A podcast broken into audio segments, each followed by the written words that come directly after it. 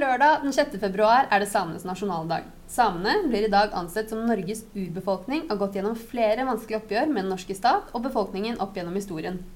Lignende situasjoner har også pågått i andre land, hvor urbefolkninger ofte har opplevd å bli diskriminert. Men hva slags rettigheter har egentlig samene i dag? Og hvordan er egentlig situasjonen for urbefolkninger i resten av verden? Du hører på Hvor og hvorfor, en podkast av Bergen Global. Mitt navn er Håkon Hov Martinsen. Og mitt navn er Victoria Kroft Reier. I denne episoden skal vi gå nærmere inn på urbefolkningers rettigheter både i Norge, men også på et globalt nivå. Den norske stat er grunnlagt på territoriet til to folk. Nordmenn og samer. Samisk historie er tett flettet sammen med norsk historie.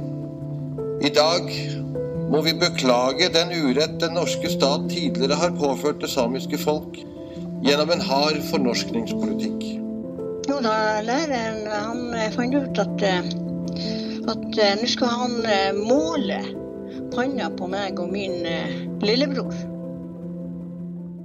I Norge foregikk det en aktiv fornorskningsprosess av den samiske urbefolkningen fra starten av 1700-tallet og helt inn i nyere tid.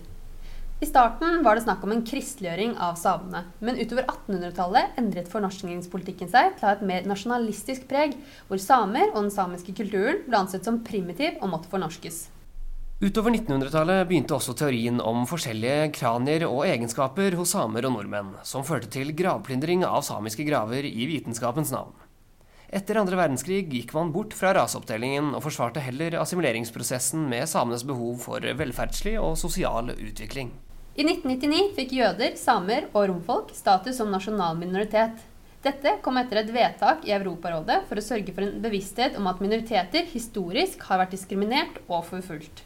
Men arven etter fornorskningspolitikken preger fortsatt Norge. I 2018 oppnevnte Stortinget en kommisjon for å granske omfanget av forbrytelser og urett gjort mot urbefolkningen i Norge. Målet med denne granskningen var å anerkjenne hvordan urbefolkning opplevde fornorskningsprosessen og ettervirkningene av disse opplevelsene. I desember 2020 ble kampanjen hashtag nok nå lansert i sosiale medier. Målet med kampanjen var å synliggjøre at samehets fortsatt skjer i dag.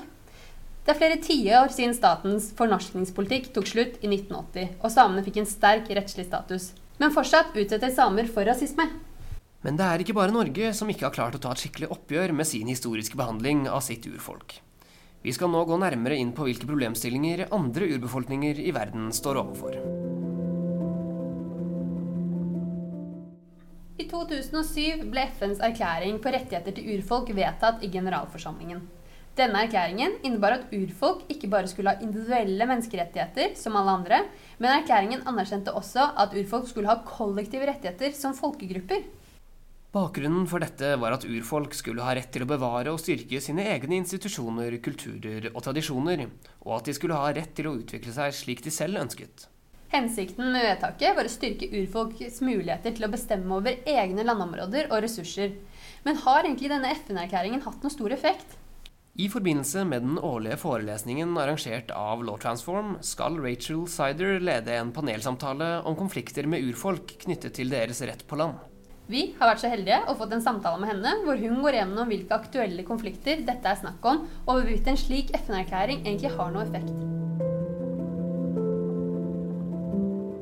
Um, hi, my name is Rachel Cedar. Uh, I'm a research professor at CIESAS in Mexico City, and I'm a fellow at Law Transform in Bergen. Well, we're delighted to be able to have uh, this discussion on Friday on the occasion of National Sami Day in Norway, and we're going to be talking about the problematic of Indigenous peoples' um, land rights, the ways in which Indigenous peoples' land rights are not respected, not fully respected the world over, and um, particularly the, the, the, the situations that this generates, which have become increasingly violent in many parts of the world, with um, Indigenous peoples being evicted from their lands, dispossessed of their ancestral lands. Um, and we're going to hear um, from the panel about the situation in Latin America, but also uh, in Norway and in the Nordic countries, the situation for the Sami. Um, and we are delighted to be able to host um, Francisco Calizai, who's going to give the special lecture um, on the rights of indigenous people for Sami Day. And uh, Francisco is the currently the UN special, special rapporteur on the rights of indigenous peoples. So we were wondering if you could tell us about how the corona pandemic has affected the indigenous people, maybe especially in Latin America. Certainly, um, the, the, the, lack of secure um, land rights, rights to their ancestral land, and protection and respect um, for Indigenous peoples' autonomy over their lands um, puts them in, in, incredibly vulnerable situations. And we've seen in the recent months and the last year with the COVID crisis um, that Indigenous peoples are particularly vulnerable uh, to COVID, especially um, some of the communities that are non-contacted tribes. Um, in contexts, uh, as we've seen in, for example, in the Amazon in Brazil, in response to, um, or as a consequence of some of the policies of uh, Jair Bolsonaro, which have basically encouraged illegal encroachment on indigenous people's reserves, um, illegal logging, illegal mining. This uh, not only is um, a violence in severe physical danger in the context of the pandemic. I see. Uh, so, more generally, uh, why do you think we still experience discrimination against Indigenous people all around the world, still in 2021? Well, we're in the, the we're at an interesting moment historically where um, we know that we have to take the climate emergency um, seriously and now. And Indigenous peoples have been um, urging the world to do that for decades.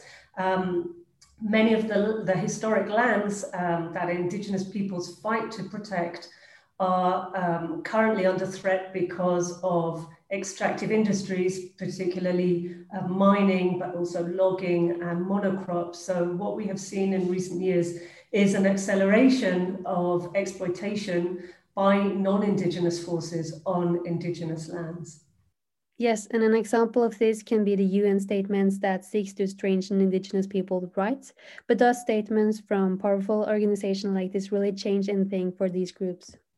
Well, it's been incredibly important and it's been a long fight for decades to get the kind of international instruments that we have now. So we now have the UN Declaration on the Rights of Indigenous Peoples, um, which is which makes an incredibly strong um, set of statements and commitments to Indigenous peoples' rights to their ancestral land, also to uh, the obligations on governments to protect those lands, to respect those lands, to demarcate those lands and title those lands. So it's not enough just to have um, principles in declarations, but states um, who are the responsible parties for actioning um, those international conventions have to actually take effective action um, to respect those rights, which are an international commitment on, the parts of the states. I would just close by saying um, you know, this is probably one of the most difficult years that any of us have lived through, uh, not just because of COVID, but because of what we know um, we must do about the climate emergency and Indigenous peoples' land rights, listening to Indigenous peoples, um, respecting um, their ancestral homes and their ways of living on the land are something that uh, is fundamental for tackling climate crisis. It's something that we can all um, listen to, learn about, be inspired by. So I hope very much that you all um, tune in and listen to Francisca and listen to the debate with us on Friday and be inspired and keep taking action. I denne episoden av Hvor og hvorfor har vi gått nærmere inn på bakgrunnshistorien for Norges urbefolkning, samer. I tillegg har vi også vært så heldige å fått med oss Rachel Sider, som ga oss en innføring andre urbefolkninger i verden, og hvilke problemstillinger de står overfor. Episoden er laget i forbindelse med Law Transforms to arrangementer knyttet til tematikken rundt urfolk i verden. Den første delen avholdes 4.2 og vil omhandle rasisme mot samer i dagens Norge. Andre del foregår februar og vil gå nærmere inn på voldelige konflikter knyttet til urbefolkninger i verden. Begge arrangementene vil bli avholdt over Zoom, som du kan delta på gjennom våre nettsider. I mellomtiden vil vi oppfordre alle lyttere til å følge oss på Facebook, Instagram og Twitter under navnet Bergen Global. Her vil dere få regelmessige oppdateringer om hvilke kommende arrangementer dere kan delta på. I tillegg kan dere også abonnere på podkasten gjennom både iTunes og Soundcloud.